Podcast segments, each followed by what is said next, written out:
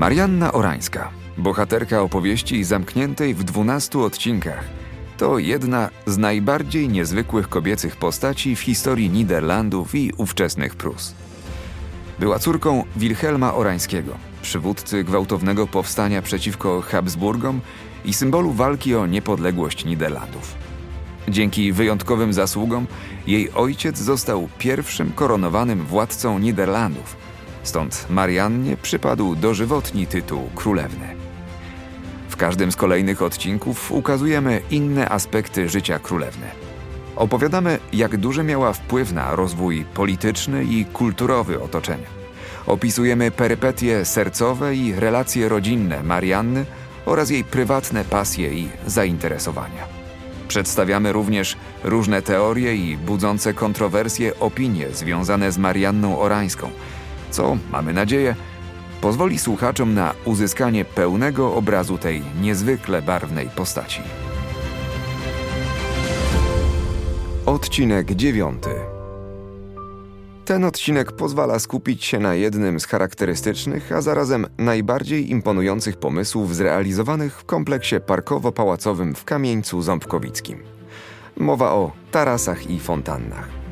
Opisy roślinności umieszczonej na tarasach pozwalają na wyobrażenie obrazów zapierających dech w piersiach.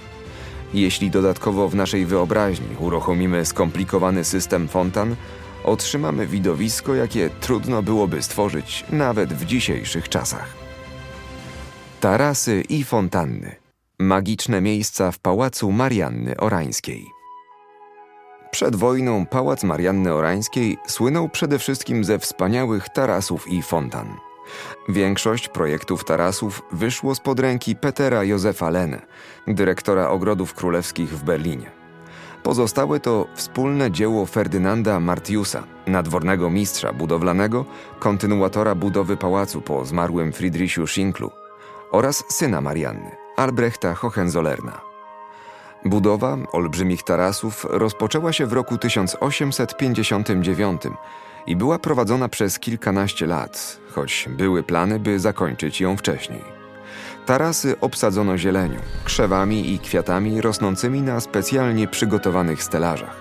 W dużej mierze była to roślinność pochodzenia egzotycznego, która w okresie jesienno-zimowym była przechowywana w szklarniach, a na wiosnę na powrót ozdabiała krużganki i tarasy. Marianna nie szczędziła środków na tę część pałacowej infrastruktury.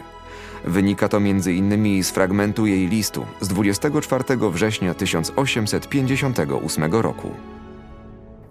Co do budowy górnego tarasu przed tutejszym pałacem, który według planu dyrektora generalnego Lene powinien być wykonany, zezwalam przeznaczyć na czas do lipca 1859 roku sumę 4000 talarów. Przesadzenie drzew i krzewów przez ogrodnika dworskiego Brauna powinno się jeszcze tej jesieni zacząć, ale budowa murów wiosną. Zachowały się pewne opisy ówczesnego wyglądu tarasów. Każdy taras oferował nowe widoki, nową roślinność, nowe dzieła wodne, a wszystko było podporządkowane kolorom tęczy. Różnica wzniesień między najwyżej położonym tarasem a budynkiem maszynowni przy stawie dochodziła do 38, a nawet 40 metrów. Na terenie kompleksu pałacowo-parkowego znajdowało się 27 fontan, obudowanych źródeł, poidełek i wodotrysków. Sposób działania fontan i innych dzieł wodnych był bardzo interesujący, gdyż funkcjonowały grawitacyjnie. Wszystko zaczynało się w budynku maszynowni, inaczej zwanym domem rządcy u podnóża góry parkowej. Budynek miał przeznaczenie techniczne. Stąd było rozprowadzane centralne ogrzewanie do pałacu, a w pobliżu znajdowała się oczyszczalnia ścieków. To może nic nadzwyczajnego. Niezwykłe było jednak to, że w drugiej połowie XIX wieku podczas oczyszczania ścieków pochodzących głównie z pałacowych stajni pozyskiwano biogaz, który później służył do oświetlania tarasów i przypałacowych alejek. Właśnie z tego budynku maszyna parowa zasysała wodę z tak zwanego zmechanizowanego stawu.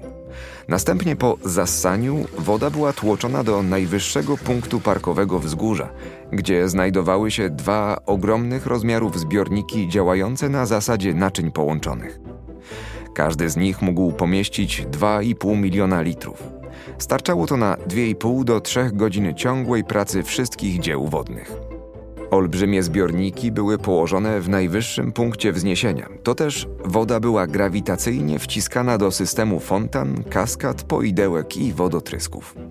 Fontanna położona na najniższym tarasie wyrzucała wodę najwyżej, bo na wysokość 33 metrów, a wysokość strumieni pozostałych położonych na różnych poziomach wynosiła 10, 12 czy 15 metrów. Co ciekawe, układ fontan i siła wyrzutu wody były tak zaprojektowane, że niezależnie od położenia i wysokości wyrzucanego strumienia, wszystkie jednocześnie zrównywały się z fontanną położoną najniżej. Musiało to robić ogromne wrażenie. Warto tu dodać, że w niektórych fontannach jako dekoracje znajdowały się śliczne rzeźby chłopców, a w zasadzie faunów z wizerunkami zwierząt domowych, którym z pyszczków wytryskiwała woda. Wśród kamiennych postaci spotkać można było między innymi chłopca z żółwiem, chłopca z rybą, z gęsią oraz rakiem. Tarasy z tyłu pałacu to tak zwany parter wodny, czyli basen wypełniony wodą wraz z pięcioma fontannami, dwoma obudowanymi źródłami i grotą, w której stała rzeźba z karraryjskiego marmuru, przedstawiająca Perseusza. Nad grotą na zakończenie prac postawiono 11-metrową kolumnę zwycięstwa z granitu, a na niej odlany z brązu pomnik bogini zwycięstwa Nike 3-metrowej wysokości. Całość sięgała 14 metrów. Warto też wspomnieć, że w marcu 2023 roku w ramach prowadzonych przez gminę Kamieniec Ząbkowicki prac rewaloryzacyjnych tarasów i infrastruktury przypałacowej Perseusz wrócił na dawne miejsce. Nowy posąg jest doskonałą repliką przypominającą czasy Marianny Orańskiej i rozmach jej rezydencji. W latach 70. XIX wieku fontanny i wodotryski uruchamiano jedynie latem i to wyłącznie w czwartki i niedzielę. Podobnie postępowano w późniejszym okresie. Działo się tak, gdyż do uruchomienia samej tylko fontanny w stawie była potrzebna duża ilość energii elektrycznej. Od 1925 roku fontanna ta była czynna tylko przez 15 minut, w godzinach od 15.30 do 15.45. W latach 30. XX wieku zwiedzający parki, pragnący oglądać działające fontanny, musieli zapłacić za wstęp 30 fenigów. W dni, kiedy fontanny były wyłączone, 20 fenigów. Seria podcastów powstała w ramach projektu Nowa jakość zwiedzania w romantycznym zespole pałacowo-parkowym w Kamieńcu Ząbkowickim. Projekt jest finansowany przez Islandię, Liechtenstein i Norwegię w ramach funduszy EOG i funduszy norweskich. Głównym celem tych funduszy jest zmniejszenie różnic ekonomicznych i społecznych w obrębie EOG oraz wzmacnianie stosunków dwustronnych pomiędzy państwami darczyńcami a państwem beneficjentem.